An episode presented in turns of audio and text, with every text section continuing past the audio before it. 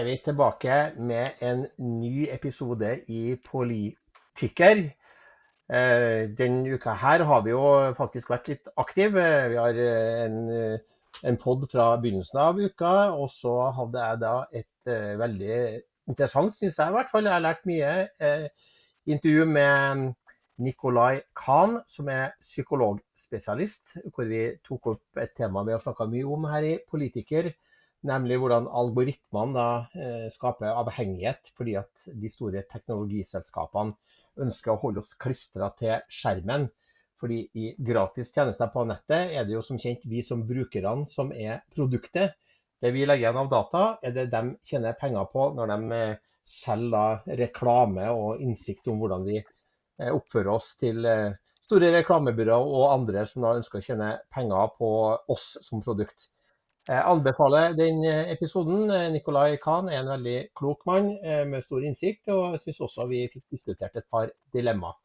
Hva du har holdt på med uka, da, Amund Vik? Nei, det har nå vært litt kommunevalg, og det har vært stort og smått å håndtere. Jeg skal ut og reise i, på tirsdagsmorgen, så da har jeg måttet ordne en del med det. Og så har jeg omsider fått tatt overtagelse på leiligheten som jeg har drevet og, og solgt gjennom hele denne podkast prosessen så har det vært en, en, stor og viktig uke. Det viktigste eh, for meg og for, for, alle egentlig har jo vært dette kommunevalget. Og så har jeg kost meg veldig med podkastepisoden som, eh, som, du spilte inn, intervjupodkasten. Eh, som jeg igjen også må anbefale på det varmeste. Og så har jeg forberedt meg litt til et intervju som jeg skal ha i, i morgen hvis, hvis, alt går som det skal. Og da ender vi opp med en veldig høy frekvens podkaster nå eh, inn i starten på, på høsthalvåret. Det er veldig bra. Det ser jeg også fram til. Men vi har lovt en uh, gjennomgang av uh, kommune- og fylkesvalget, så det skal vi snakke om nå. Uh, og vil jeg først spørre, Hva har egentlig valgkampen handla om, Amund?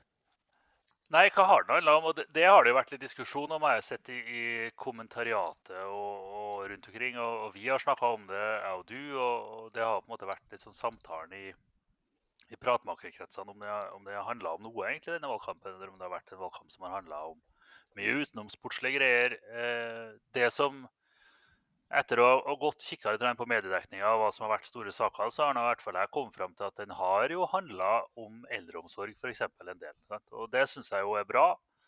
Eh, både fordi at eldreomsorg er et viktig tema, men òg fordi at det er et kommunalpolitisk tema. Og jeg, jeg tror at en av de tingene som gjør at det har føltes litt som at valgkampen ikke har handla om noe, er at det har handla om ganske mye nasjonale ting. Og at det har vært en valgkamp som i hvert fall helt i starten bar veldig preg av at alle velgerne hadde lyst til å snakke om at det var dyrt å, å kjøpe ting og gå på butikken, og renter og diesel og bensin og alt sånt, mens det var helt irrelevant for den valgkampen som var. Så det var en litt sånn mismatch. Så syns jeg at kommunalpolitiske saker har kommet mye tyngre mot slutten. Eh, og både Arbeiderpartiet og Høyre har ønska å snakke om eldreomsorg.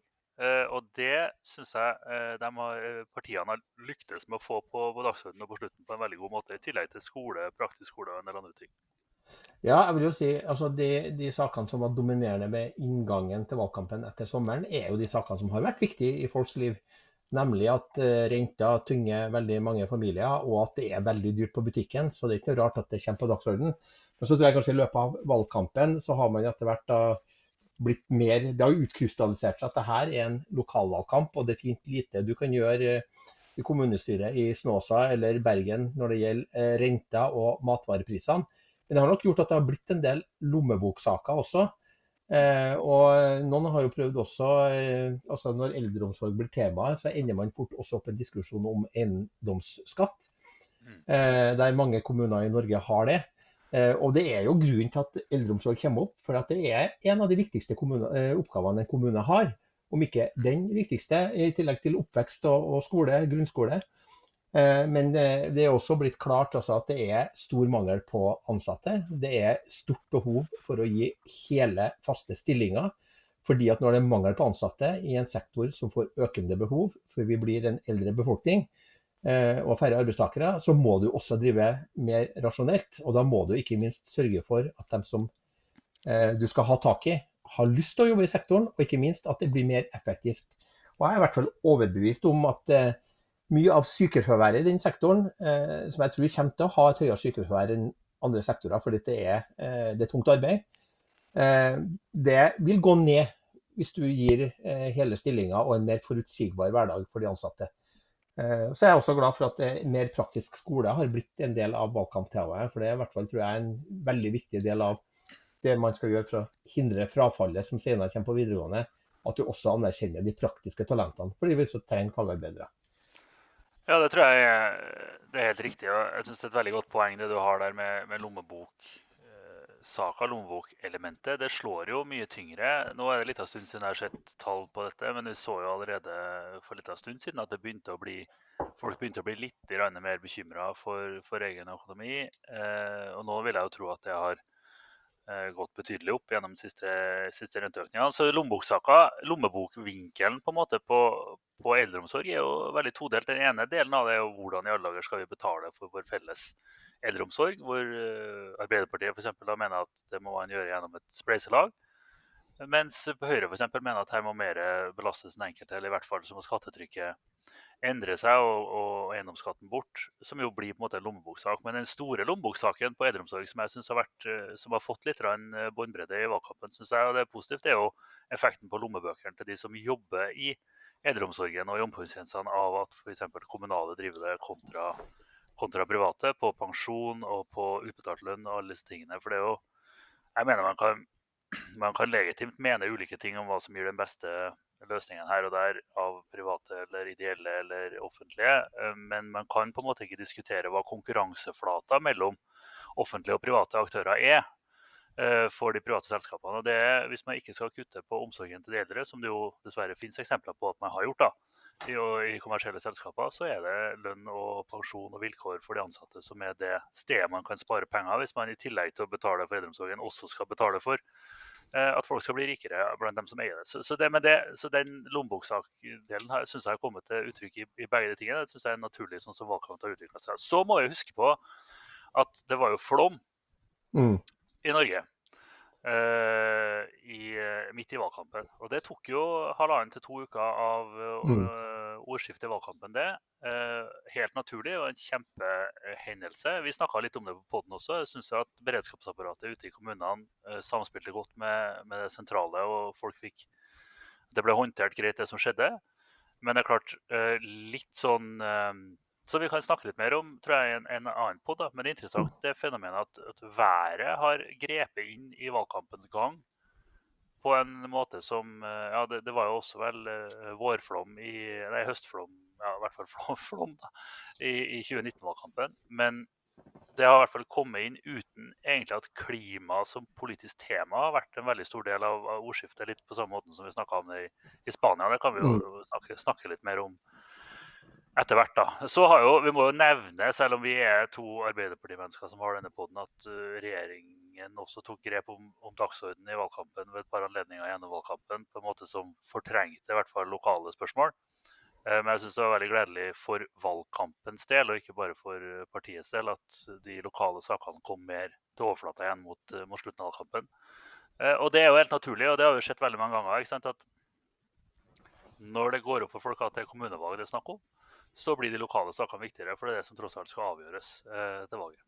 Ja, jeg er også veldig glad for at habilitetssakene kommer litt i skyggen. Eh, så kan vi si også at eh, Vi har jo hatt en egen podkast der vi diskuterte også Melkøya. Det ble jo også en lokal sak. Det er i høyeste grad en lokal sak i, i Finnmark og i deler av Nord-Norge. Mm. Eh, men også den har jo på en måte da landa litt, i hvert fall som eh, brennhett tema i resten av landet. Eh, veldig stor oppmerksomhet til å begynne med. Eh, men en annen ting som valgkampen da dessverre har handla om, eh, som vi også diskuterte på den forrige eh, podkasten, det er jo meningsmålinger. Der har jo jeg allerede proklamert at jeg har sjansen for den franske modellen med at man ikke har publisering av meningsmålinger i sluttfasen av valgkampen, sånn at sakene kan dominere, og ikke da diskuteringer om opp- og nedgang på målingene innenfor feilmarginen. At det dominerer da mediebildet. Det hadde vært bedre om eh, partilederne og lokale kandidater eh, måtte svare på spørsmål om hvordan man skulle finansiere eldreomsorg, skole og hvordan man skal drive kommuner og fylke, i stedet for ja, marginale utslag på meningsmålingene. Det har vært sjokkmålinger og det har vært feilmålinger. Og det har vært eh, mange målinger med veldig liten N, som man sier da i nerdekretser rundt meningsmålinger. Altså lave eh, antall spurte i veldig mange eh, kommuner. Eh, vi vet jo eh, mer om det her på mandag klokka ni. men det har også vært veldig stort sprik i målingene. og kan du si litt om det? Det har jo vært utfordringer for oss som følger nøye med, å finne ut hva som er reelt nivå i mange enkeltkommuner, og særlig de små. Fordi det har vært tatt ut få målinger som eh, da har ganske store utslag. Ja, det er helt riktig. Og det er som du sier, noen målinger har vært feil. Uh, altså Det er to typer feilmålinger. Ikke sant? De målingene som er så feil eh, at det står i avisa mens valgkampen pågår at de er feil. Altså Infact diska jo opp med to sånne giganttabber gjennom valgkampen hvor det først var krigstyper og fosse fram, og går, nå går det til helvete og alt blir bare elendighet. Eh. Jeg tror vel eh, Nidaros fikk seg til å skrive noe om at eh, Arbeiderpartiet måtte skru av lyset når det gikk, basert på denne Infect-målinga. og så måtte ydmykende trekke det tilbake etterpå. Så de målingene vet vi jo at det er feil, fordi at de var så feil at eh, det gikk an å se det på lang avstand. Og så er det jo antageligvis en del målinger som er feil uten at vi vet at de er feil. fordi at det er jo en andel av målingene som er feil. Det er, sånn, det er sannsynlighetsverden er sånn sant? At, at, eh, når du spør folk og regner ut basert på det hva hele nasjonen mener, eller en kommune, så kommer det til å gå feil av og til. Eh, og så har det vært mye sprik i målingene, eh, som kan skyldes eh, både at utvalgene har vært litt på snei, eller at det har vært litt aggressiv regning, eller at, at ting har endra seg gjennom valgkampen. Og Det vet vi jo egentlig ikke helt. Og så er det jo som du sier, at det har vært mange målinger også med lav N. Og det skyldes jo at det er veldig mange kommuner i Norge med lav N, hvor det rett og slett bor få mennesker. Og det som er problemet, har jeg i hvert fall i min tidligere jobb, så er det er en utfordring med en del kommuner at det er vanskelig å ha noen tidslinje. Fordi at I Oslo, i Trondheim, og i Bergen, og i Stavanger og de store stedene, Tromsø og sånn, så er det jevnt over litt interesse for hva som skjer der. da, altså det er Private selskaper tar opp målinger, eh, folk som skal selge saker og ting, tar opp målinger. Det er både billigere for partiene å hekte på spørsmål på det, og det er mer det tas opp mer målinger. Mens i kommunevalgkampen så blir alle veldig opptatt av hva som skjer i en enkeltkommune, men med god grunn. Men da er det litt for dårlig datagrunnlag å si det på. Da får de enkeltmålingene som kommer, for veldig stor vekt eh, det man lager modeller eller, eller, annet for å prøve å forutsi hvordan det går. Og, og, det er mange kommuner som er sånn at vi, vi, vet jo ikke hva som blir resultatet. Vi kan bare si litt om hva som er tendensen. Og så må jeg jo komme altså, Ja, én. Jeg er helt enig med det du sier, at jeg tror vi bør vurdere i Norge også å ha et forbud mot publisering av målinger de siste to ukene av valgkampen. For jeg tror det hadde gitt mer rom til sakene. To, så bare mener jeg at det er liksom så tragisk at journaliststanden velger å forholde seg bare til sin egen måling istedenfor snittmålingene. For det tas jo opp mye mer målinger gjennom valgkamp. Vi vet jo mer om hva som skjer i elektoratet i valgkampen eller ellers fordi det tas opp flere målinger.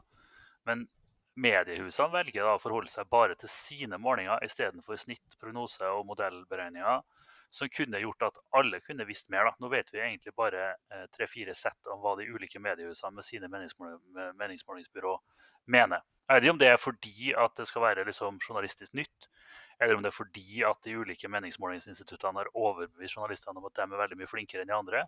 Men summen er eh, at vi blir litt sånn shortchange som lesere av avisene. Mm. Uh, og der liksom slå, bare rett og slett reklamere litt for Poll og Polls for dem tre av våre faste lyttere som ikke er inne der daglig i løpet av eh, kommunevalgkampen, eh, at, at snittmålinga er bedre. Hvis du har lyst til å vite hva som skjer. Hvis du har lyst til å vite hva ansatte i NRK, TV 2 eller eh, sånt mener, så kan du bruke bare de ene målingene som de bruker. Men sånn i stort så er det lurt å forholde seg til snittmålinger hvis man har en genuin interesse for det som skjer. Da. Jeg tror nok du må også legge til at det er nok en viss form for behov å profilere sine egne målinger fordi at mediehusene har betalt for disse målingene. Eh, og Det gir jo også da, et visst behov for å eh, presentere da, nyheter du sjøl har betalt for eh, oppmerksomhet, ja, ja. i stedet for da, å prøve å lage en litt mer sånn edruelig analyse basert på, på, snittet. Og jeg er helt enig. Paul Opholds, for alle oss som ønsker å, å følge med på ja, politisk stemning i Norge, så er det en god plass å, å gå for å få med seg hva som er snittet. Eh, det er kjempebra, men det er jo ikke sånn. Jeg bare sier det. Jeg bare, så, eh, da jeg var leder av politisk avdeling i Arbeiderpartiet, eller alle andre som har hatt jobber hvor du skal foreslå eh, å ta valg basert på eh, hva målingene sier, da, om du gjør ditt eller datt eller uh, sånn eller sånn, så blir man jo på en måte stilt til ansvar eh, for det. Da. så Hvis du foreslår noe og så viser det seg å være dumt, så, så står du der da, med, med liksom spiss hatt i kroken en liten stund og, har eh, dumma deg ut. Sant? Men hvis du er journalist, så kan du jo bare skrive. Det er jo ingen som holder dem til ansvar for det som skjer etterpå. Jeg tror det er sånn et element også, at det er lite liksom, runder etter valgkampen på hva, hva som skjedde. Med mindre det går fullstendig åt skogen med målingene, da har man jo av og til det. Eh, I Storbritannia eh, etter eh, et av parlamentsvalgene så var det jo en sånn, og, og, brexit så var det jo en sånn stor gjennomgang hvor alle instituttene viste tallene sine og sånn. Det kunne kanskje vært lurt å gjort litt oftere òg, tror jeg. Ja. Men eh, da er jo spørsmålet, når vi har diskutert litt i metasammenheng målinger, sånn, hva er det som skjer? Hva er oppsummeringa di? Hva er stemninga? Hva sier det disse snittmålingene, hvis vi forholder oss til det? Eh, hva er, hva er tendensen? Nei, altså Nå er det jo forferdelig breialt av oss da, å først ha en lang runde om at vi egentlig ikke helt vet hva som skjer, og så sømløst gli over til å fortelle hva det er som skjer. Men nå er vi jo podkastverter og skal heller ikke stå til ansvar for de analysene vi kommer med i etterkant. Men det jo, har jo vært en endring. Sant? Og den har jo eh, også vært litt framme i, i dagens diskusjonene rundt omkring i media. Sant? Men det som skjer nå, er jo at Arbeiderpartiet stiger, og at Høyre ser ut til å gå litt ned. Eh, det er tendensen i mange kommuner. Og så er det jo igjen sant, vanskelig å vite, for du har veldig kort tidsserie i en del kommuner om hva som skjer, om det ene morgenen var feil, eller om det bare var noe som skjedde, eller, eller det ene med det andre. Men det er i hvert fall det som, er, som er indikerer. Så, så, man kan være så vågal å si at det ser ut som at det kommer til å gå bedre for Arbeiderpartiet enn frykta. Eh, men trolig dårligere enn håpa. Altså det, det, det, skjer tungt ut enkelte steder, men det er fortsatt mulig. Det er jo noen timer igjen med valgkamp, og noen skal sikkert dele ut kaffe i morgen tidlig. og Det kan være at uh, dette drar seg i land. Men det går nok ja, som sagt, dårligere enn hoppa, men bedre enn frykta. Det, det, har kommet en vekst på slutten. Det andre som skjer, er at Høyre går ned uh, rundt omkring. og det, det kan vi også snakke litt om. Men Hva er det som driver denne tendensen, tror du? Nei, jeg tror to tre ting i hvert fall driver tendensen. Det ene er at jo nærmere vi kommer kommunevalget, jo tydeligere blir det for folk at det er et kommunevalg eh, som, skal for, som, skal forestås. Og, og, samtalen på gata eh, Når jeg har vært på, på hockeycup i helga eller rundt omkring og møtt eh, vanlige folk som lever livene sine uh, uten å tenke på dette hver dag, så blir det tydeligere og tydeligere jo nærmere du kommer valget at dette er lokalvalg. Det er våre lokale politikere som står på valg. Det er ordføreren som man kanskje kjenner eller i hvert fall vet hvem er, som står på valg, og ikke dem som sitter nede i Oslo og driver med rikspolitikken. Det endrer jo uh, valget. fordi at uh, akkurat nå for eksempel, så er regjeringen Eh, ikke megapopulære. det er Renta stiger og det er en del nasjonale saker som er krevende. Men våre Arbeiderpartiets ordførere lokalt, Senterpartiets ordførere lokalt, til og med enkelte steder Høyres ordførere lokalt, er jo populære, omgjengelige mennesker. Eh, som gjør at når valget blir lokalt, når, man, når, det går ordentlig opp for folk at valget er et lokalvalg, så endrer det stemmegivningen, eller hva, hva svarer meningsmålingene. Det andre som jeg tror, er jo at eh, jo nærmere du kommer valget, jo mindre hypotetisk blir spørsmålene. Så, så si at du hadde spurt i fjor liksom, hva ville du stemt hvis det var valg på mandag, så er det et helt hypotetisk spørsmål. Hvis du spør nå hva skal du gjøre i valget på mandag, så er det et helt reelt spørsmål som det går an å, å ta stilling til eh, og forholde seg til. Og da kommer også eh, mye mer refleksjon og verdispørsmål og, og person, hvem er det som står på valg. Alle disse tingene kommer inn i, i beregningen på en helt annen måte. Og tror jeg, eh, også bare for å legge til deg, eh, I og med at det nå er 1,3 millioner som har forhåndsstemt, så er det jo faktisk en del som vet hva de har stemt eh, når de blir spurt i meningsmålingene. Det er også sant.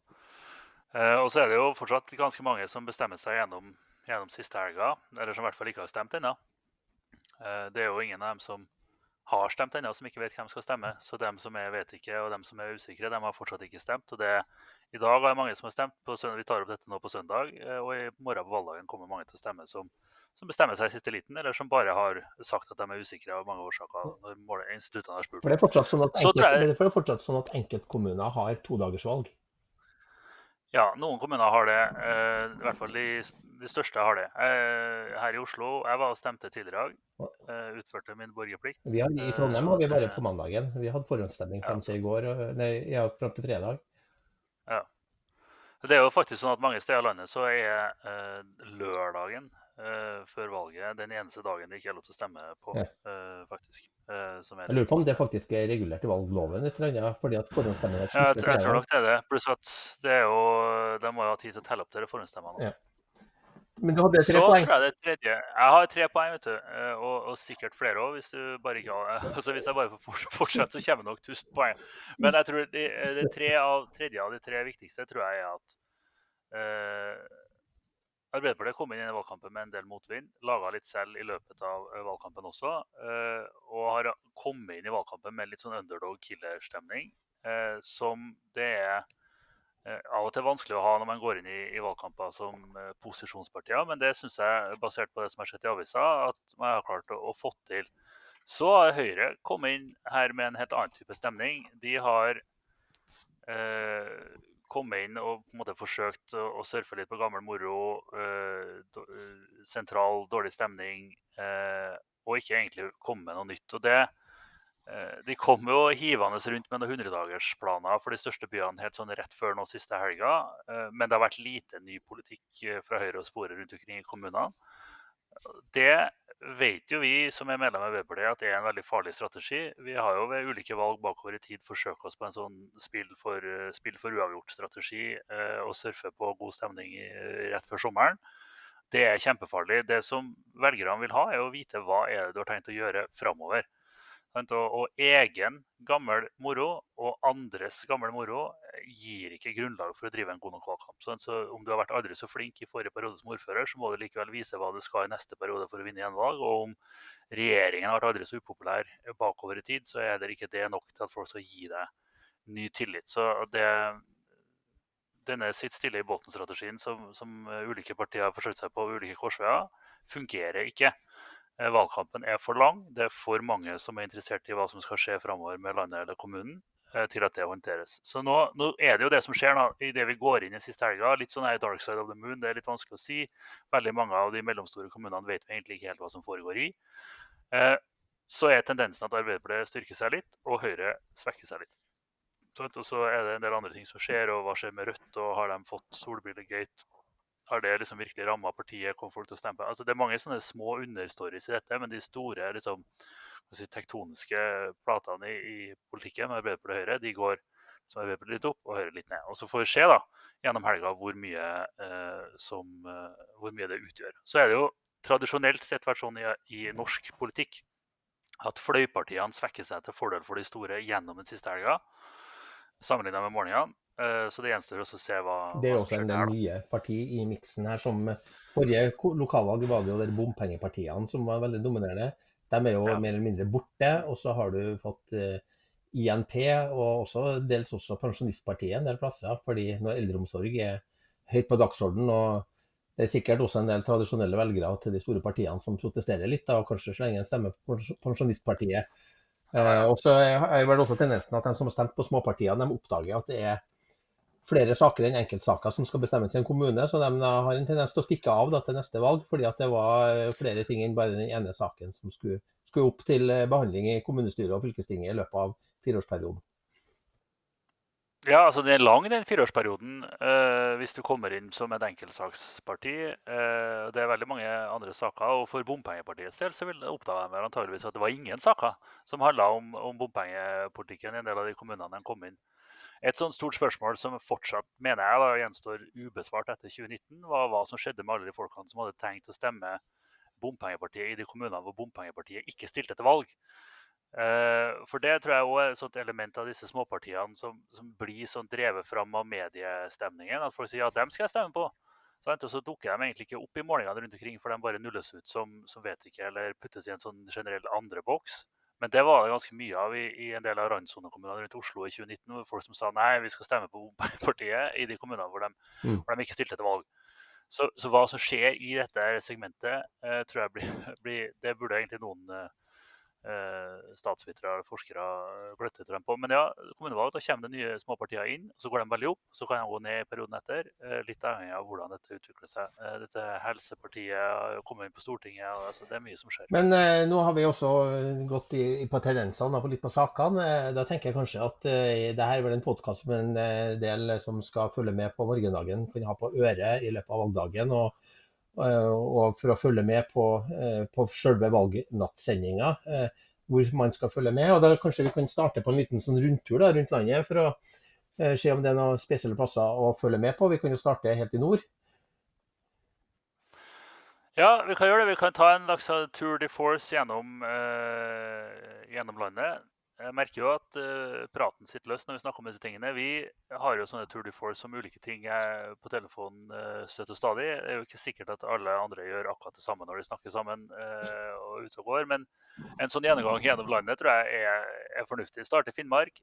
Det som jeg har tenkt, i hvert fall når vi forbereder litt til denne runden, er jo at det vi kan gjøre, er å gå litt gjennom de stedene hvor det er interessante mm. ting som skjer. eller de stedene som blir viktige til neste stortingsvalg. Eh, for det har jo ting å si, eh, selv om det er jo alltid sånn at politiske partier enten den ene eller den andre fargen eh, prøver å bruke posisjon lokalt til å sette opp stortingsvalget på en best mulig måte. Det er ikke alltid det, det lykkes.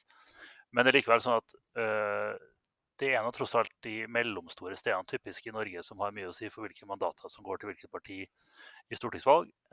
Så det er også en, en slags sånn utvelgelseskriterium.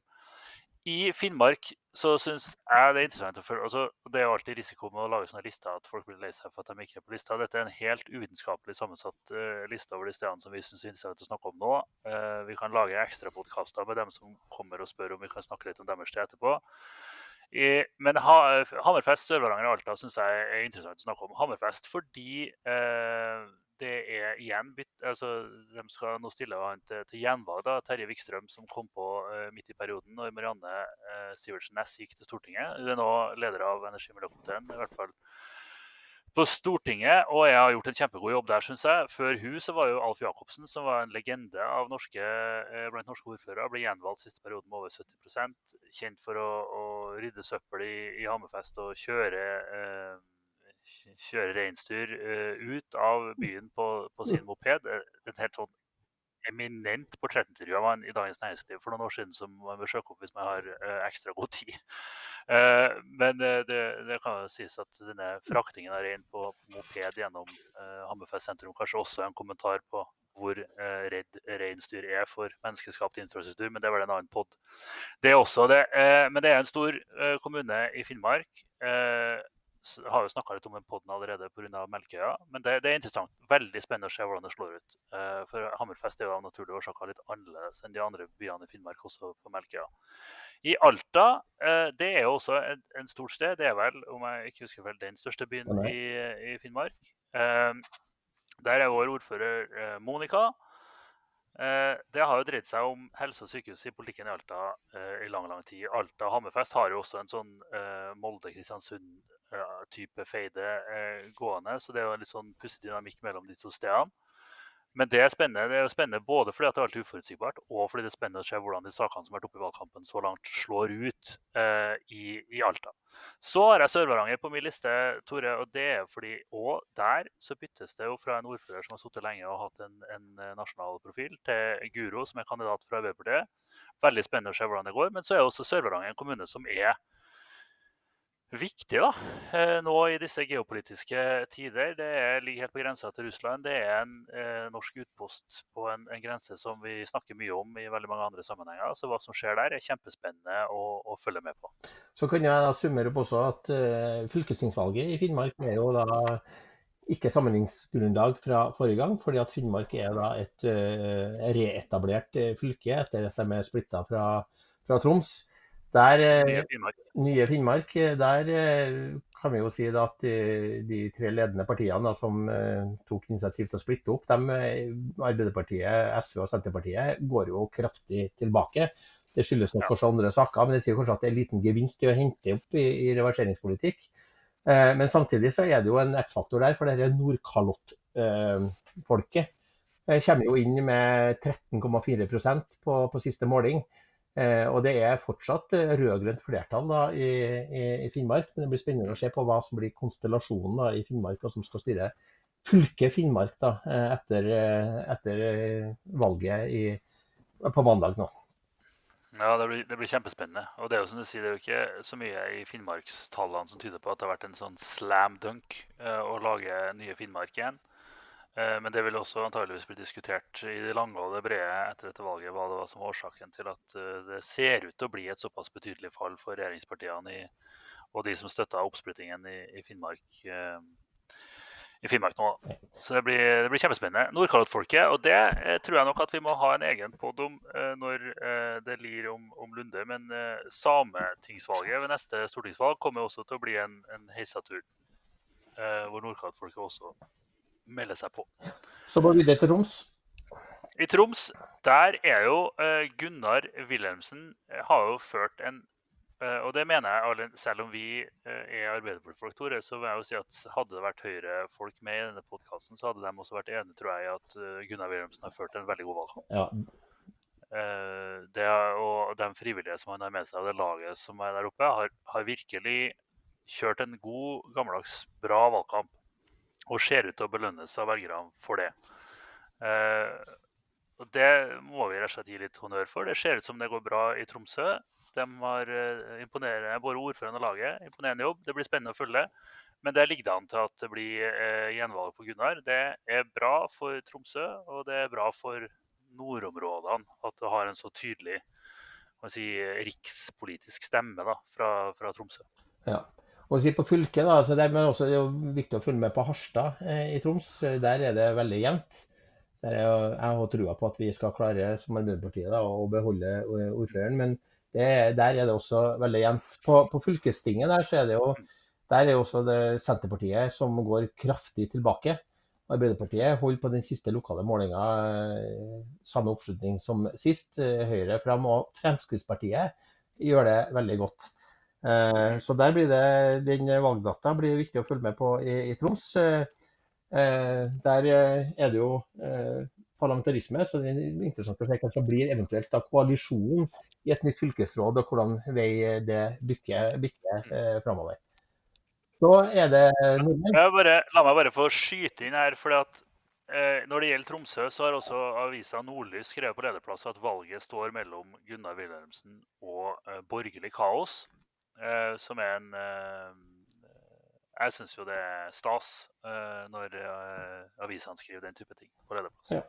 Anbefaler det. anbefaler det. Vi er veldig glad som sosialdemokrater for at man får klare og tydelige beskjeder, hvis det går den veien. Så har du Nordland. I Nordland, der er det jo eh, sånn fra eh, Det er jo veldig farlig å, å snakke om. Altså, Bodø er eh, ser jo krevende ut nå for Arbeiderpartiet. Håper jo at eh, tendensene siste tid drar det akkurat i land.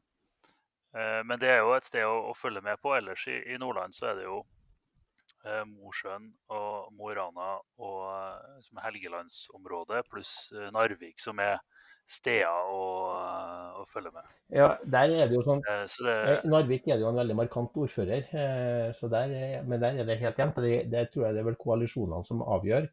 Så det blir sikkert også et forhandlingsvalg. Eh, I Bodø så eh, har vel Høyre hatt eh, ganske bra medvind veldig lenge på målingene. Men det blir vel spennende hvordan koal- koalisjoner som kommer. og Kanskje om landstendensen slår inn, og at det kan bli spennende. Jeg håper det skal bli spennende der, men de stiller vel med en ganske profilert og tidligere fiskeriminister som ordførerkandidat i, i Bodø fra, fra Høyre. Mo i Rana tror jeg, der eh, tror jeg Geir Våge kommer til å fortsette. Jeg tror det er ganske det ser veldig sånn ut. Jeg snakka med folk i Mo i Rana her om dagen som var, hadde trua. Nå skal ikke vi på vegne av Mo i Rana eh, jinxe dette, men det en, eh, de har jo en ordfører i Geir Våge som har virkelig levert for kommunen. Får jo nesten lyst til å flytte til Mo i Rana når jeg snakker med han om alle de mulighetene som eh, Ellers er det viktig også å følge med på, på Helgeland. Der, der var jo Senterpartiet massivt eh, framgang i, i forrige valg. Der kan det bli nok, noen bytter, både i Vefsn da, med Mosjøen og eh, kanskje Alstahaug. Der eh, blir det også spennende å følge med.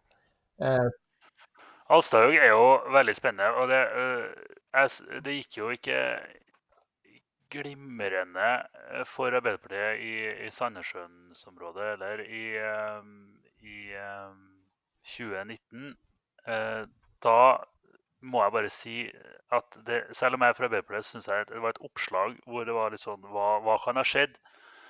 Hvor det var en Arbeiderpartikandidat som ble intervjua, som måtte etter hvert innrømme at han selv ikke hadde stemt på på Arbeiderpartiet som var krevende. Men der kom jo Rødt veldig sterkt inn i deler av den regionen, så det blir veldig spennende å se hva som har skjedd med dem nå etter en, en litt grann striturn for, for, Rødt i siste, ja. siste sving her nå. Så på, på, fylket i Nordland så er det vel sånn at jeg tror den koalisjonen som styrer fylkesrådet der i dag, de ser ut at de kan beholde eh, flertallet. Eh, også der er det jo fremgang Høyre eh, på det siste måling og kraftig tilbakegang for Senterpartiet. Arbeiderpartiet er noenlunde stabilt. Framgang for, for SV. Der ser vi jo der blir det også spennende hvor INP, altså Industri- og Næringspartiet, havner. Men jeg holder en knapp på at Nordland fortsatt har rødfarge som fylke da, etter, etter valget. Jeg tror det. Eh, så blir det spennende å følge helt på slutten, men det, det, tror jeg blir spennende. Men da har vi kommet til fylket med stor F. Trøndelag du tenker på da, selvfølgelig? Trøndelag. Trøndelag. Det er bra spennende i Trøndelag. Uh, og så har jeg skrevet her i, i notatene mine skrevet, uh, Trøndelag du sletter tid. Og det er jo for innvidde også en, en sangreferanse.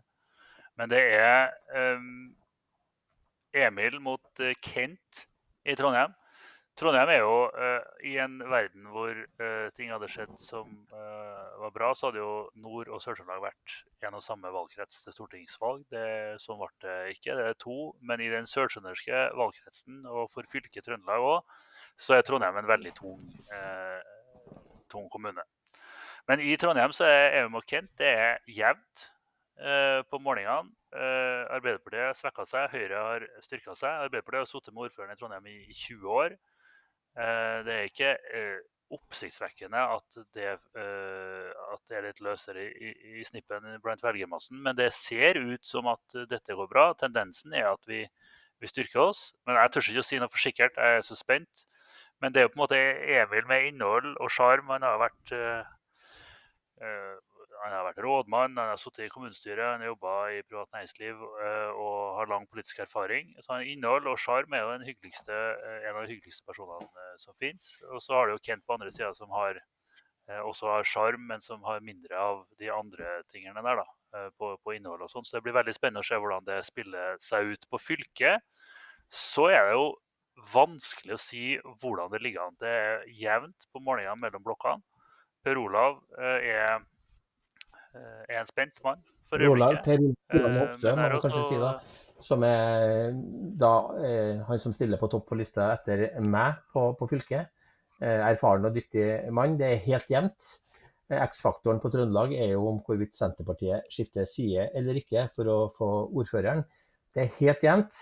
Det som er spennende også å følge med på i Trøndelag, er jo innherredsbyene i tidligere Nord-Trøndelag, Nord der Senterpartiet har hatt bastioner da, forrige valg, både på Verdal med rent flertall med et kjemperesultat på Steinkjer, hvor eh, nåværende forsvarsminister Bjørn Arild Gram var, var, populær ordfører, og Levanger, som de også da vant etter at Arbeiderpartiet hadde styrt i mange år.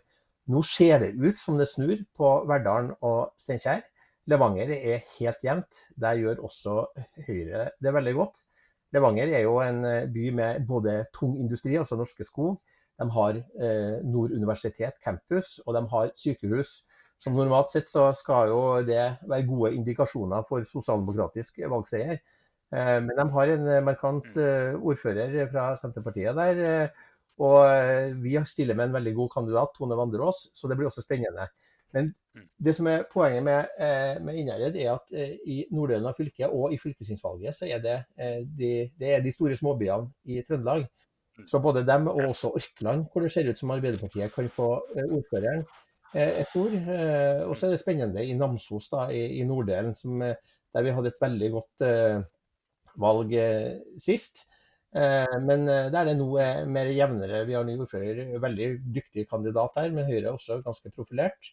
Og Namsos er litt sånn som Bodø.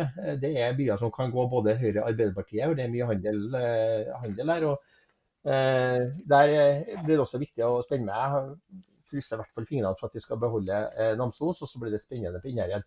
Og Det kan igjen gi utslag da i, i fylkesvalget. Så det blir, det blir, en rysere å følge med på i morgen i, i Trøndelag og i mange av de her småbyene. Mm. Det blir det, så Anbefalingen er jo, i likhet med alltid når det skjer ting i Trøndelag, at det er lurt å følge med på på det som skjer i Trøndelag. Så er vi da i Innlandet. I Innlandet så er det spennende. Jeg syns det som er spennende i, på, i Innlandet fylke, eh, så syns jeg det er spennende hvordan Senterpartiet gjør det eh, opp gjennom dalføra. Eh, det var jo veldig sterke områder for dem i kommunevalget i 2019. Veldig, flere av de kommunene som har vært Arbeiderparti-styrt over tid, gikk til Senterpartiet. Så hvor en av de store spørsmålene i dette valget er hvor går de velgerne som går fra, fra Senterpartiet i de områdene. Eh, det er jo ikke tatt opp all verdens til målinger i de mindre kommunene opp gjennom dalene. Så der er jo en sånn ting hvor vi bare må få eh, kose oss med tallene når de kommer i morgen fra mm. ni og utover. Men jeg, det syns jeg er kjempespennende. Uh, og fordi at det peker jo litt framover til, til, neste stortingsvalg. Uh, og sier veldig mye om hvordan den politiske samtalen kommer til å være i mm. tida som kommer, egentlig. Etter valget. Så syns jeg Lillehammer er spennende å følge. Gjøvik tror jeg blir spennende.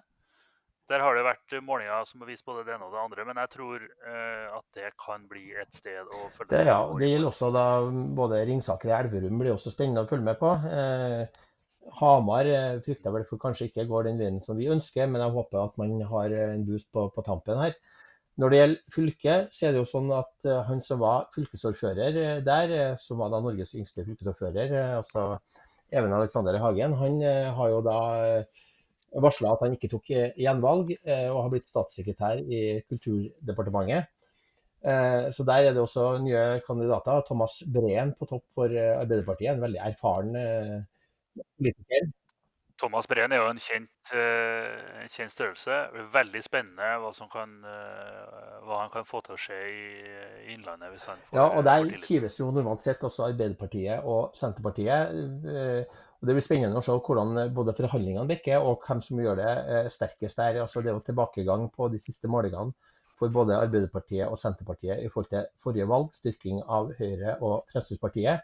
Men SV styrker seg litt, eh, og det blir spennende å se hvordan både valgresultatet blir, og hvilken konstellasjon, hvordan koalisjon som blir enige om å styre fylket der etter valget. Yes, da Er det til Møre og Romsdal? Det blir spennende. Vi har kommet til Møre og Romsdal. Møre og Romsdal er jo et fascinerende fylke politisk på veldig mange måter. Det er jo eh, ikke sånn. Det er vel lov å si det, Tore, at det er ikke alltid sånn at Nordmøre og, og Sunnmøre og, og, Romsdalen er enige om Nei, de er jo kjent for kraftig fogderistrid. Som både har gitt seg til uttrykk ja. i samferdselspolitikken, men ikke minst i sykehuspolitikken. Det har ridd egentlig ja. det politiske ordskiftet som en mare. Eh, Eh, sykehuspolitikken, eh, og ikke minst på Nordmøre. Og, og svingningene i målingene i Møre og Romsdal med utgangspunkt i, i helsepolitikken har jo, har jo, vært helt ekstreme til tider. Altså, det har vært Arbeiderpartiet vært ned på, på uh, single digits uh, i målinga og kommet opp igjen. Og, og, litt avhengig av hvis man er litt uvøren som, uh, som ansatt i, i, et parti og sender helsepolitikerne til, til feil sted i en valgkamp, så kan det få katastrofale konsekvenser i Møre og Romsdal. Nå er det uoversiktlig, syns jeg. Eh, og det, er, det, blir et av de fylkene hvor det blir veldig spennende å se om Eh, Fremskrittspartiet eh, virkelig blir så store som det kan se ut som det kan bli i deler av, mm. av Møre og Romsdal. Det blir spennende å se når det kommer til stykket hvor noen av de som har forlatt Senterpartiet, eh, går. Det tror jeg blir spennende. Det blir òg spennende å se Kristiansund, hvor høy valgdeltakelsen blir. Så det er veldig mye spennende å følge med på i Møre og Romsdal. Men det er veldig farlig å si noen ting om hva vi tror kommer til å skje i Møre og Romsdal, utover at det skjer dessverre sånn ut at det må jobbes intenst på oppløpssida for at det skal bli et godt valg for Arbeiderpartiet i flere av de byene. Jeg skal si at det, det, er veldig spennende også i de store byene, både i Ålesund, der det er stor oppmerksomhet også knytta til Der har det vært kommunesammenslåing, det har vært ønske om splittelser osv. Eh, og, og Molde og på, på Nordmøre. Altså, Min tidligere fylkesordførerkollega i Møre og Romsdal, Jon Aasen, han pleide å si at i Møre og Romsdal så er fylkestinget en slags fredsbevarende styrke for å holde det her eh, kampen mellom de ulike regionene eh, samla. Eh, og forrige valg så endte vi jo faktisk opp med, der Arbeiderpartiet ja, Vi ligger alltid ganske mye lavere i Møre i valgoppslutning, men der endte vi med opp både med fylkesordføreren, mm. Tove Lise Torve,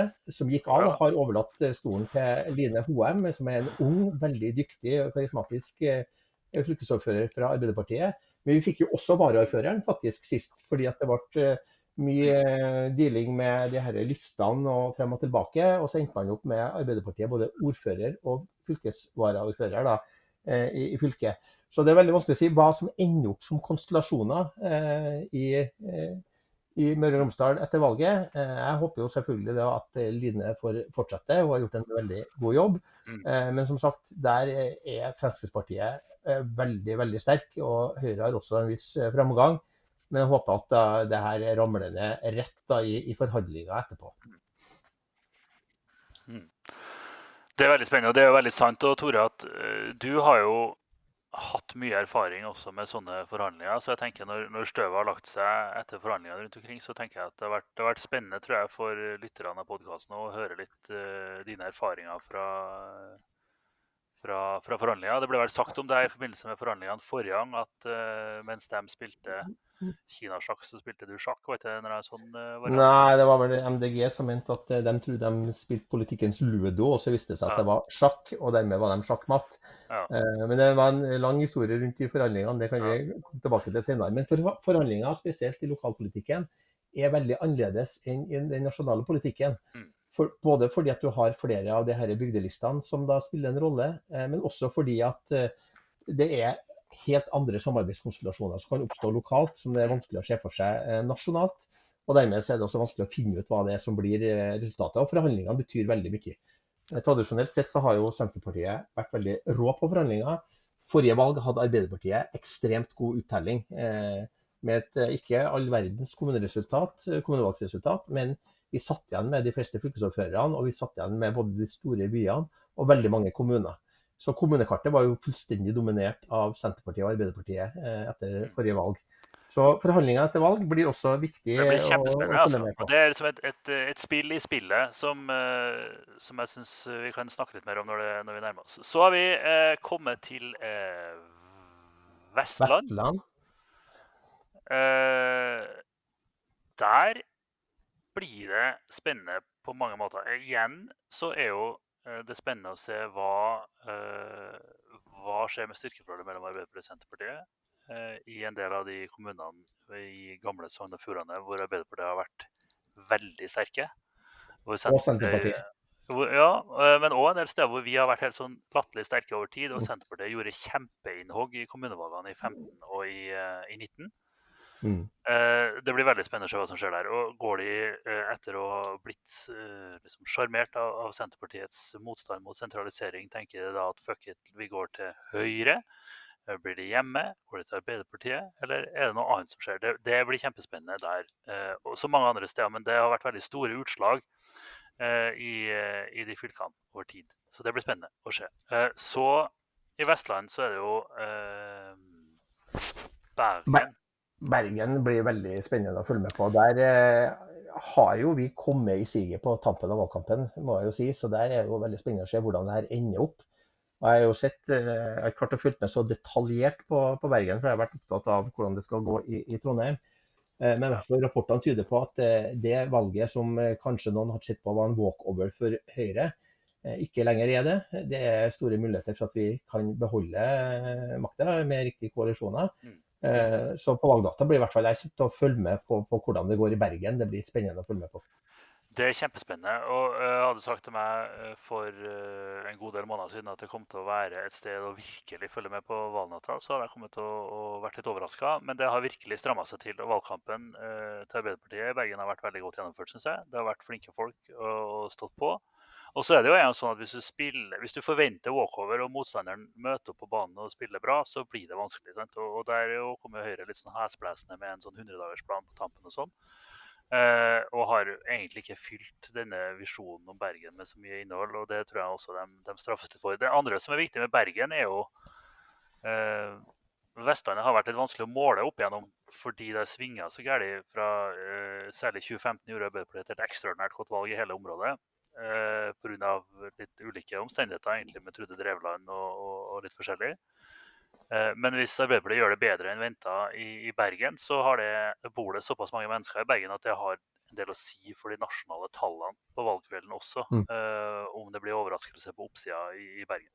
Så kan vi si på Vestland fylke da, så er det helt jevnt. Det er litt sånn som i Trøndelag. Helt jevnt. Den koalisjonen som styrer i dag, i dag har jo Senterpartiet fylkesordføreren eh, med bl.a. Arbeiderpartiet i koalisjonen. De har nå eh, da, På siste måling eh, så er det da 31-30 i den koalisjonens favør. Eh, og Der er nok også INP da, spiller inn, for dem tror jeg kommer til kanskje å gjøre seg gjeldende på, på Vestlandet generelt sett. Så der blir det også en rysere å følge med på, på valgnatta, hvordan den balansen her kommer ut til slutt. Så både Bergen og Vestland anbefaler at man da har på reload-knappen på, på oversikten når, når resultatene etter hvert renner inn i løpet av, av, av, valget. Så må vi lenger sør, da, til eh, Rogaland. Altså, Det er jo, begynner å bli slitt, den setningen. Og, øh, men steike, Tore, det blir spennende i Stavanger. Uh, jeg syns jo at uh, Kari har gjort en veldig god jobb. De tallene som jeg har sett på uh, ordførerpopularitet, viser jo at hun at det er de som bor i Stavanger enig med meg om. Eh, så hun trekker jo partiet og koalisjonen sin opp. Og så er det jo en litt eh, pussig mm. koalisjon hun leder i, eh, i, Stavanger. Der inngår jo både Rødt og, og bompengepartiet og det ene med det andre, egentlig.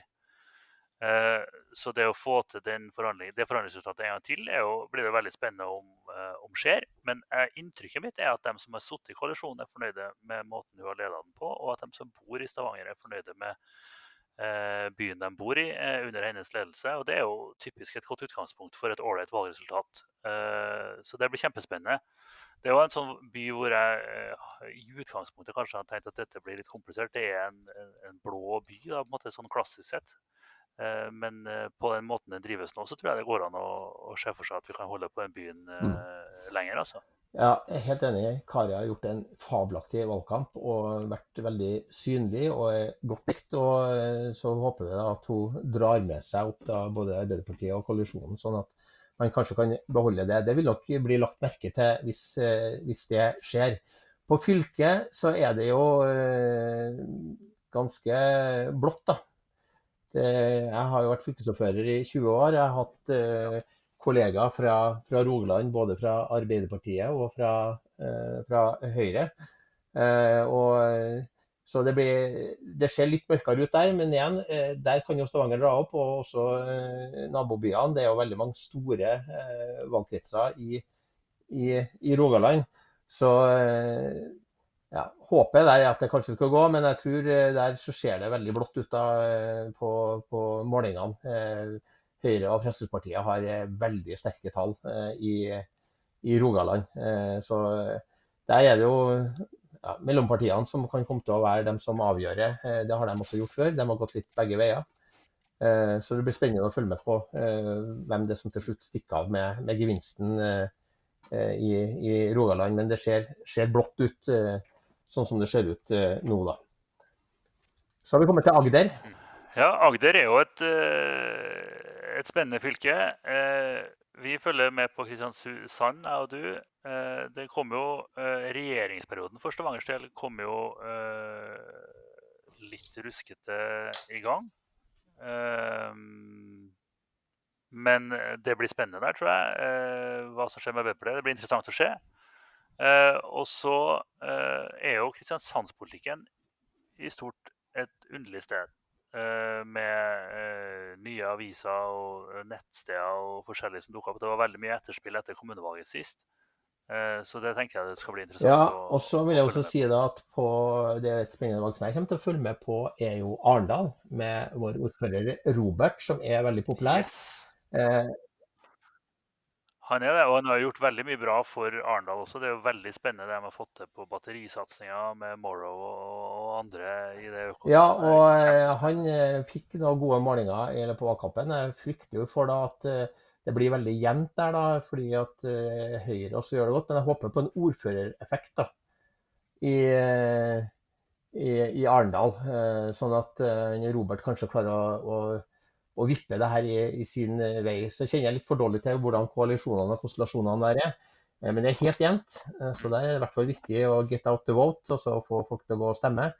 Og at vi ligger faktisk over valgresultatet fra 2019 i, i Arendal, så, så, Robert kan komme til å dra i land dette her på, på, valgdagen, og kanskje i tillegg ved, i forhandlinger, fordi han har gjort en veldig god jobb. og Det kan komme til å, å betale seg, i hvert fall i forhold til å få med seg kanskje mellompartiet og andre.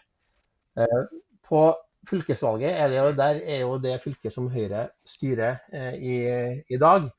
Eh, og der eh, går det vel mot gjenvalg for fylkesordfører Thomassen. De har hatt flertall på de fleste målingene ganske stort med den koalisjonen han leder. Her er jo også et fylke litt sånn som også i Rogaland, hvor KrF er til stede i miksen. Eh, og, så Det ser foreløpig ut som om eh, han beholder eh, seieren, men jeg er litt usikker på hvordan forhandlingsgrunnlaget er, er videre, videre, der i, i Agder. Så da er vi jo kommet til Telemark. Et nytt fylke igjen, eller et reetablert fylke? Det blir jo spennende å se alle disse reetablerte fylkene, hva, hvordan det går i de nye fylkene. vi som er opptatt av sammenlignbare tall blir jo helt stressa av, dette også fra statistisk eh, perspektiv. Det var jo ja, det, det, får være en annen, eh, en annen samtale, eh, men det, det, er frustrerende det òg, at tidsseriene for fylkesvalg køddes til. Men jeg er Telemark syns jeg har vært et fylke hvor det har vært spennende å følge hva Senterpartiet har, har, gjort i stortingsvalget sist og gangen før der, så var jo konkurranse mellom altså har jo Senterpartiets størrelse påvirka fordelingen av, av mandater ganske kraftig. Eh, så hvordan det går i de særlig liksom mellomstore byene som er i, i Telemark, tror jeg blir, blir, interessant på valgkvelden. Der har det jo bølga veldig frem og tilbake gjennom valgkampen eh, på de rapportene som vi har mm. fått. hvert fall. Eh, så jeg tenker at her er det jo eh, både i hvert fall i Skien, men også i Porsgrunn må det jo stås på helt til siste slutt, egentlig, for å se hvordan enden på visa ja. Eh, blir. Eh, men det har bølga Der er det jo eh, Skien og Porsgrunn har jo også hatt to veldig profilerte ordførere med Hedda Five og Robin Koss.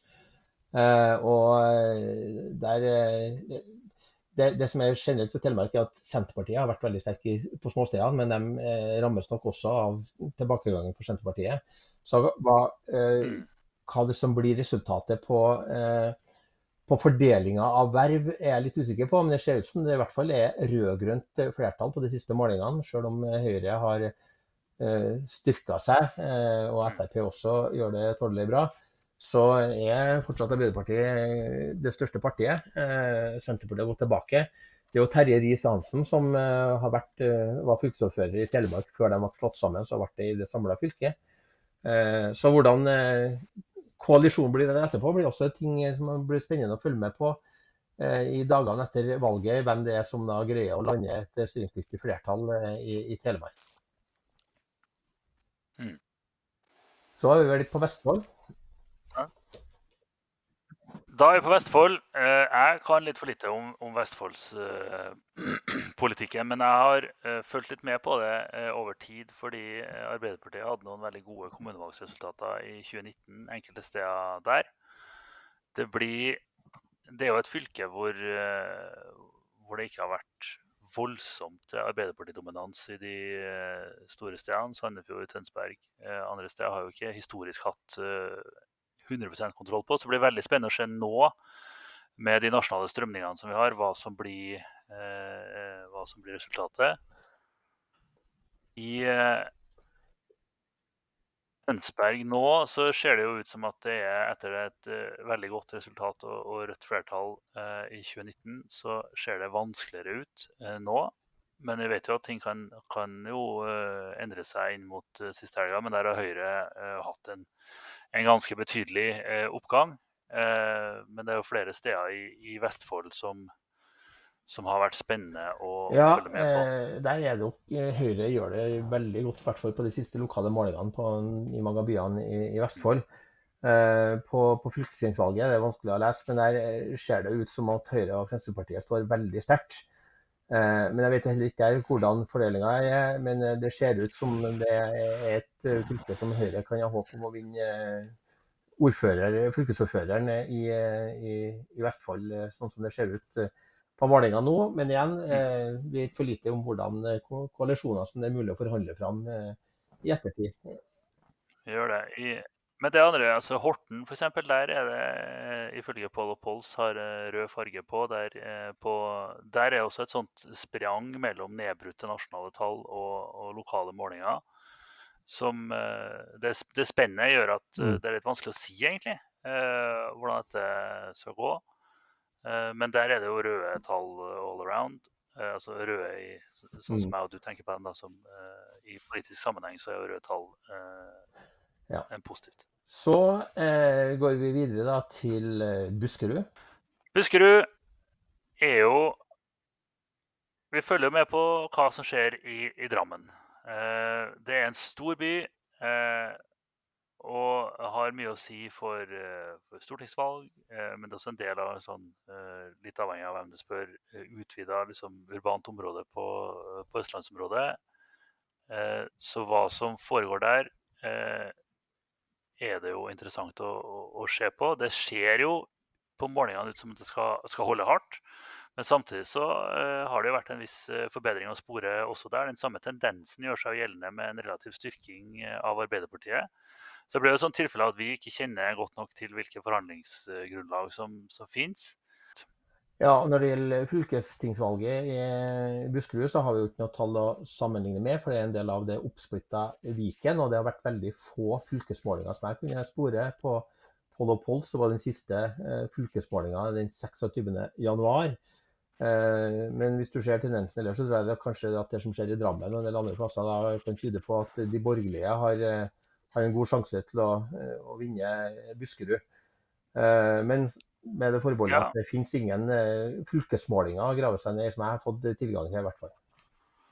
Nei, og Drammen har jo vært en by som, eh, hvis man ser veldig stort på det, historisk har vært eh, ligget litt til venstre, men har hatt eh, Man må kanskje ha ganske vid vinkel for å se eh, altså fra Før 2001 så var det en, en by som Arbeiderpartiet hadde noenlunde koll på. og Så har det vært veldig hoppete etter det, eh, men det har hatt eh, rødt styre fra, fra 20 eh, i stort, stortingsvalgene, men har hatt i kommunevalg har det vært blått ja, fra, fra 2003, ja, selvfølgelig. Mm. Og så har det vært et blanda flertall etter det.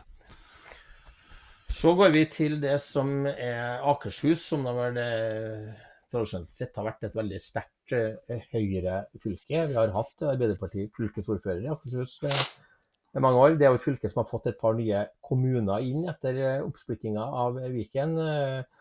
Og der er det også flere plasser å følge med på. Det er jo noen plasser som er så blå at de har vært blå langt inn i evigheten. Altså Asker og Bærum osv. Mm. Men det er også flere plasser å følge med på i, i Akershus. Amund? Det er det, og det er jo i Akershus på vest Akershus er jo eh, politisk litt delt, i den forstand at eh, kommunene på vestsida av Oslo, eh, Asker og Bærum, er jo ekstremt blå, har vært. Mens på østsida så har det vært mye mer blanda.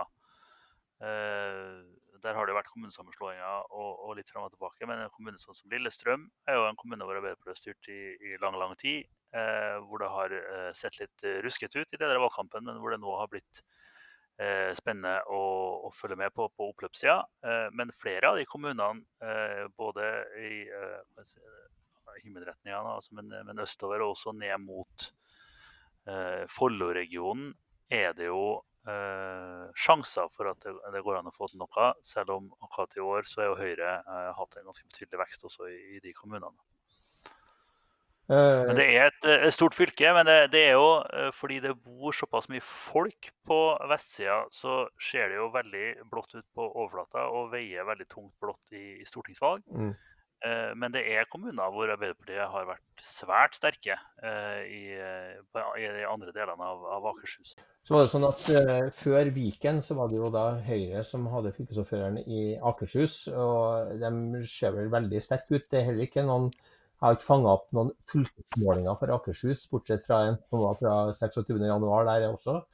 Eh, og da var i hvert fall Høyre veldig sterkt, men det er jo så lenge siden at eh, det er vanskelig å si. Så, så lenge jeg ikke har sett noen eh, fylkesmålinger for Akershus eh, i den ja. siste tida. Men tendensen er vel at Det er mye som har skjedd siden, ja, det er mye som har skjedd siden januar, si.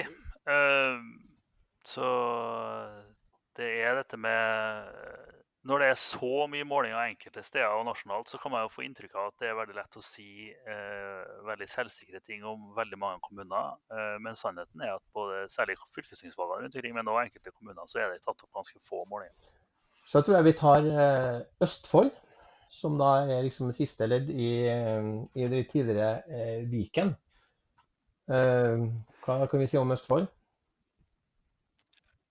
Østfold jeg liker Østfold eh, politisk.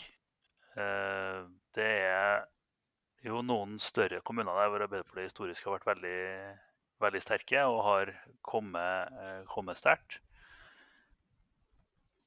som det blir veldig eh, spennende å følge med på. Det ser jo uh, uklarere ut i enkelte av de nå i, i innspurten til valgkampen enn jeg syns er komfortabelt. Samtidig så er det jo uh, kommuner Sarpsborg og Fredrikstad hvor vi vet, uh, vi som kjenner til Arbeiderparti-valgkamp, vet at de kan, drive, de kan, drive, det bra. Det er flinke stortingsrepresentanter, det er flinke lokale politikere, flinke folk i, i LO og andre steder. Så det blir noe vi må følge med på helt, eh, helt til slutt i, i, Østfold. Det som også skjer i Østfold, har skjedde i Østfold i 2019, var jo det var, altså, det var kommunesammenslåinger. Eh, så Indre Østfold f.eks. er jo en, en, stor kommune hvor Senterpartiet gjorde, gjorde det veldig veldig sterkt. Eh, som det også blir, blir noe å, å, se på igjen da, med dette. Hva, hva gjør de velgerne i de si, mellomstore, sterke Senterpartikommunene? I den grad vi opplever en svekkelse av, av Senterpartiet. Så må jeg bare si, da, mens vi, eh, bare fordi vi er innom Østfold, så er det jo at hva Vi har jo snakka litt om i denne podkasten, og veldig mange snakker rundt omkring om at Senterpartiet eh, ligger an til å gjøre et litt svakt valg. Men historisk sett så er jo ikke det egentlig tilfellet. Altså det, eh, Senterpartiet gjorde jo et veldig godt valg. Eh, begynte jo sin oppgang eh, inn mot 20, eh, stortingsvalget i 2017. Gjorde et kjempevalg i 2019. Og så igjen et godt valg stortingsvalget i 2021. Men det blir feil å si at hvis Senterpartiet ender på, på måte, eh, Det er ikke alle de scenarioene for Senterpartiet nå som, mm. som er historisk sett eh, helt katastrofe for, for, Senterpartiet. Så det er viktig å på en måte man må huske på at de traff en nasjonal bølge delvis, som delvis var skapt også av den forrige regjeringen med kommunesammenslåinger, nedleggelser og, og svekkelse av distriktene, eh, som bar dem opp til veldig store høyder. Eh, Senterpartiet har vært jo også i, for i EU-valget eh, på 90-tallet eh, båret opp til veldig store høyder av sånne bølger. Men det betyr ikke at det er liksom kroken på døra, eller at det er mm. absolutt katastrofe hvis de lander et eller annet sted rundt et slags historisk snitt. Kan du si noe om, om de byene, altså, som Fredrikstad og Sarpsborg? Ja, altså, Sarpsborg snakka vi jo uh, litt om. Der, der, har det jo Jeg mener jo at det er steder hvor Arbeiderpartiet har uh, kapasitet til å drive uh, gode valgkamper. Fredrikstad også er jo en by som historisk sett har vært sterk for, for Arbeiderpartiet. Nå er jo Fredrikstads store sønn er jo i regjeringen. Eh, Jon Ivar Nygaard? Jon Ivar Nygaard eh, er jo en politiker som jeg har veldig sansen for. Eh, og jeg tror også at eh, Fredrikstads befolkning ser at han er, er likende. Det er jo et sted vi har hatt drevet gode valgkamper og hatt bra kontroll før. Det er Siste lokale måling viser blått flertall. Eh, men jeg vet ikke om du har lyst til å gjette på hvem det var som tok opp den siste interne, siste lokale målingen i, i Fredrikstad, Tore? Det er vel der at vi snakker om det som vi har døpt om til unfact. Ja, eh, så det er jo om å gjøre å ta den målinga med en klype salt. Eh, fram til vi ser resultatet til, syvende og sist. Ellers så, så, har det jo vist flertall for, for rød side. Det gjelder jo for så vidt også da fylkesmålinger. Det har ikke vært så mange fylkesmålinger. Eh, men det er også Infect som har hatt den. Det siste jeg har sett der er i juni. Det kan være at det er noen som har vært i etter som ikke har fanga opp på poll og pols. Eh, men det var også blått på den eh, siste fylkesmålinga der. Men der ja, tar med en stor pose salt, ikke minst fordi at Arbeiderpartiet har hatt en stigende tendens i det siste. Så mm. håper jeg på at de, en del av de bastionene vi har i, i Østfold, kanskje da drar oss over, sånn at vi beholder da Eller vi får fylkesordføreren i det reetablerte Eh, fylke. Da er det bare ett eh, fylke, en eh, kommune, fylke igjen, og det er Oslo. Det er Oslo. Eh, Oslo er jo eh, ulik eh, de andre. fordi Oslo både er mye større enn alle de andre norske kommunene. som gjør at politikken i Oslo er mer liksom, spiss og mindre lokalpolitisk aktig enn de fleste andre stedene i, i landet. Eh, det er også et fylke, som du sier, så er kommunevalget er samlet, kommunefylkestingsvalget er ett valg. Oslo kommune har flere oppgaver enn en vanlig kommune. Så er det jo eh, stor nasjonal interesse om hva som skjer i Oslo, men veldig liten eh, Oslo-presse. Eh, så de lokale sakene i Oslo eh, når de skal nå gjennom eh, altså I Trøndelag eller i, i, Bergen så har man jo gleden av å ha en veldig aktiv lokalpresse som dekker mye av det som skjer lokalt. I Oslo er det ikke like mye sånn. Aftenposten eh, mener jo sjøl at de er en riksavis, og, og Oslo, men, men jeg også fokuserer litt på, på, Oslo. Men det er lite. Avisa Oslo har kommet litt eh, og styrka dette en del. Men det er fortsatt en, utfordring at det er lite lokal uh, offentlighet da, i Oslo om, om Oslo-tingene, sammenligna med mye av det nasjonale. Så Oslo blir veldig likt det nasjonale ofte, eh, politisk. Så er Raymond er jo populær. da. Tallene som kommer, viser at han er populær. Han har losa Oslo gjennom pandemi. Han er en nasjonal figur, uttaler seg på vegne av Oslo, tar fighter i hytt og gevær på, på vegne av Oslos befolkning. Det er jo nasjonal rikssport i resten av landet øh, og, og disse Oslo. Øh, jeg tror nok at Oslo-boerne ser på han som en øh, eller mange av dem i hvert fall ser på han som en, en god forsvarer av deres interesser. Og det teller. Det har en del å si. Så gjør Arbeiderpartiet sånn noenlunde på, på målingene i Oslo, men i Oslo så er det jo igjen en sånn Hva blir det parlamentariske grunnlaget for et byråd? Og hvor tipper det flertallet? Og der, det blir jo en, en, thriller, da. Det er målinger som har kommet som viser at det kan stå om bare noen få stemmer. Så alle som driver eh, med valgkamp i Oslo, må holde på til til absolutt siste slutt. Eh, for dette blir jo en, en ordentlig thriller. Eh, og så er det jo da hva, hva, blir koalisjonen? Og Jo sterkere Arbeiderpartiet er i en koalisjon i Oslo, jo bedre er det jo for dem som, som bor i Oslo. Det vil jo vi helt objektivt uh, mene. det men jo, jo større Arbeiderpartiet er, jo bedre for styringsdyktigheten til en, en, ny koalisjon er det. Så det er veldig viktig at, at dem som sitter rundt omkring og tenker på å stemme i Arbeiderpartiet i Oslo, går og, og, gjør det. da. Men det er kjempespennende. Nå har det jo vært en stor diskusjon om dette med Woke. Eh, i Oslo, eh, som sant sies må, må sies være litt på sida av det eh, valgkampen så langt har dreid seg om. Men det var jo i etterkant av disse skolevalgresultatene.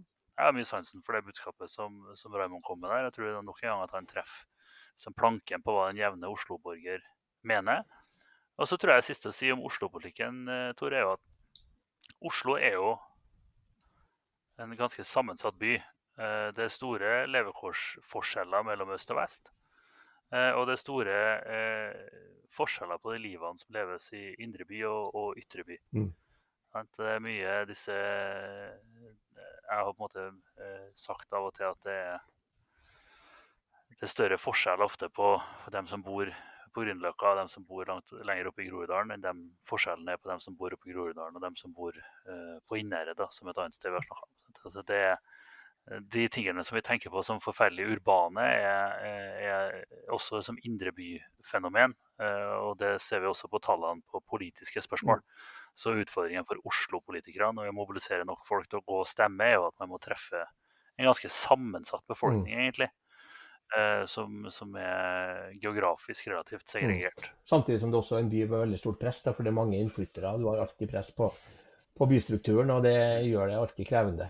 Men jeg må si at det er en av de plassene jeg kommer til å følge med på. Jeg, øh, om jeg har vært religiøs, så skal jeg ha hatt med i aftenbønnen min at Raymond får fortsette. Han synes jeg er en utrolig fin fyr. og Han har gjort en utrolig bra jobb øh, i hovedstaden vår. Eh, og det er helt åpenbart at jeg tror han står for i hvert fall en seriøs og klok og veldig riktig retning videre for Oslo. Gjort veldig mye bra grep for å jevne ut forskjeller og for å løfte Oslo eh, som, eh, som, byrådsleder i, i, Oslo. I Oslo så har det jo en del å si òg. Eh, Oslo Arbeiderparti, eller det har de overalt selvfølgelig, eh, hvem som styrer. Men det er en del ting hvor forskjellene på Arbeiderpartiet og Høyre er til å, ta og føle litt på i, i Oslo. Det er jo eh, Oslo Arbeiderparti og Raymond har jo satt i gang mye eh, prosjekter på industri og på, på klima, CO2-fangst og -lagring. Eh, på eierskapet i, i Hafslund bl.a. Som, som det er mindre sannsynlig mm. at et, et Høyre kommer til å, å,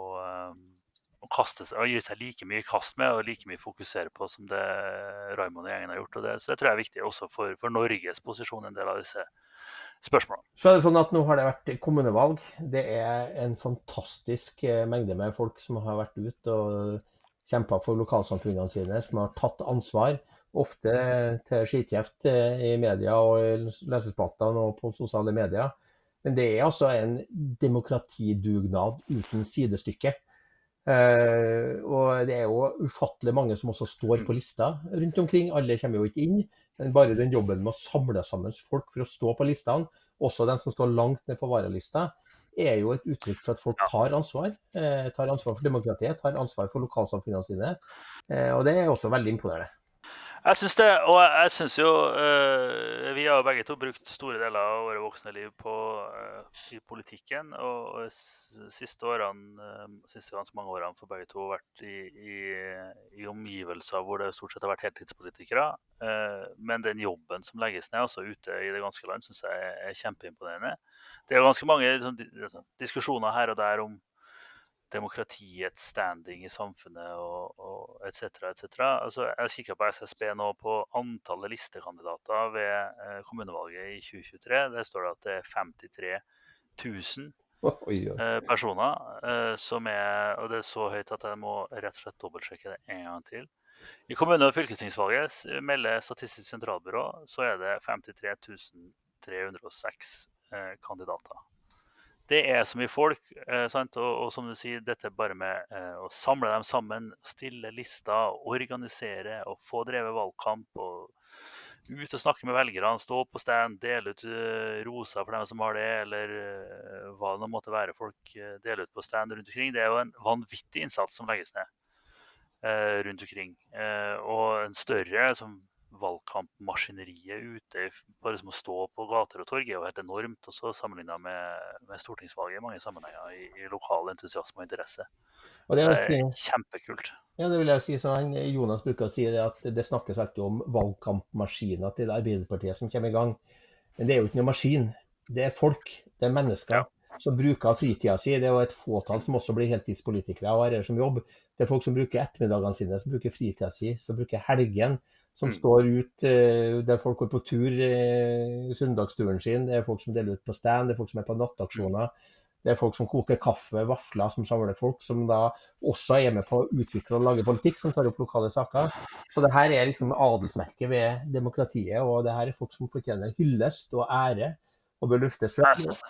Ikke minst fordi at de også får mye dritt eh, av folk da som er misfornøyd med ulike ting. Og mye skal man tåle som eh, lokalpolitiker, og ikke minst dem som da får toppverv. Men eh, det er også veldig mange som da får det, som da gjør en helt ufattelig innsats for, eh, for folk over hele landet. Jeg synes det, og det har vært en del diskusjon om det eh, siste årene med sosiale medier og hets og, og tyn. Og særlig kvinnelige politikere alle, på alle plan, fra det lokale til det aller mest sentrale, får jo vanvittig mye tyn på, på sosiale medier. og sånn, Så jeg tenker liksom når vi nå ja, nå er valg i morgen. Vanvittig mye folk som er i sving. Veldig mange som sitter rundt i landet og er veldig spente når valgresultatene kommer inn. Og de fortjener eh, ikke å få alt det eh, tjafset de må forholde seg til, og heller eh, få litt eh, skryt og heder og ære kommer litt for lite fram synes jeg, i dekningen av, av kommunevalget også, på hvor, hvor, lite det er sentrale politikere, og hvor mye det er eh, alle disse folkene som bare står på på ettermiddagene og kveldene. Jeg tror det kan være en fin uh, ting å avrunde med. Det er I morgen er det fest for demokratiet. Da skal vi stemme. og Vi håper at landet blir mest mulig rødt med mange Arbeiderparti-ordførere og Arbeiderpartiet i posisjon. Men det er all grunn til å gi ære til samtlige eh, parti, samtlige som stiller på lista uansett hvor uenige vi er med dem politisk, så er det det som er demokratiet. Og det er, det vi, det er skjørt.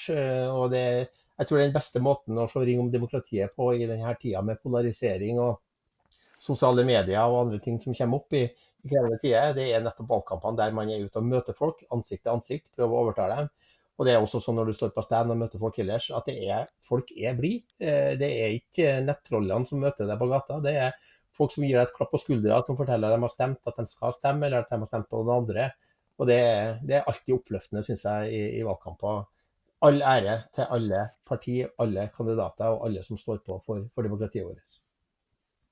Det er helt sant. Og da, eh, med den sendoffen, så må jeg bare si abonner på oss der hvor du abonnerer på podkaster. Gi oss gjerne en, en, anmeldelse hvis du liker det å høre, og spre det til, til venner og kjente. Og så kommer det eh, flere podkaster eh, i tida som kommer. Blir en, en produktiv periode for, for podkasten. Ha det bra. Ha det.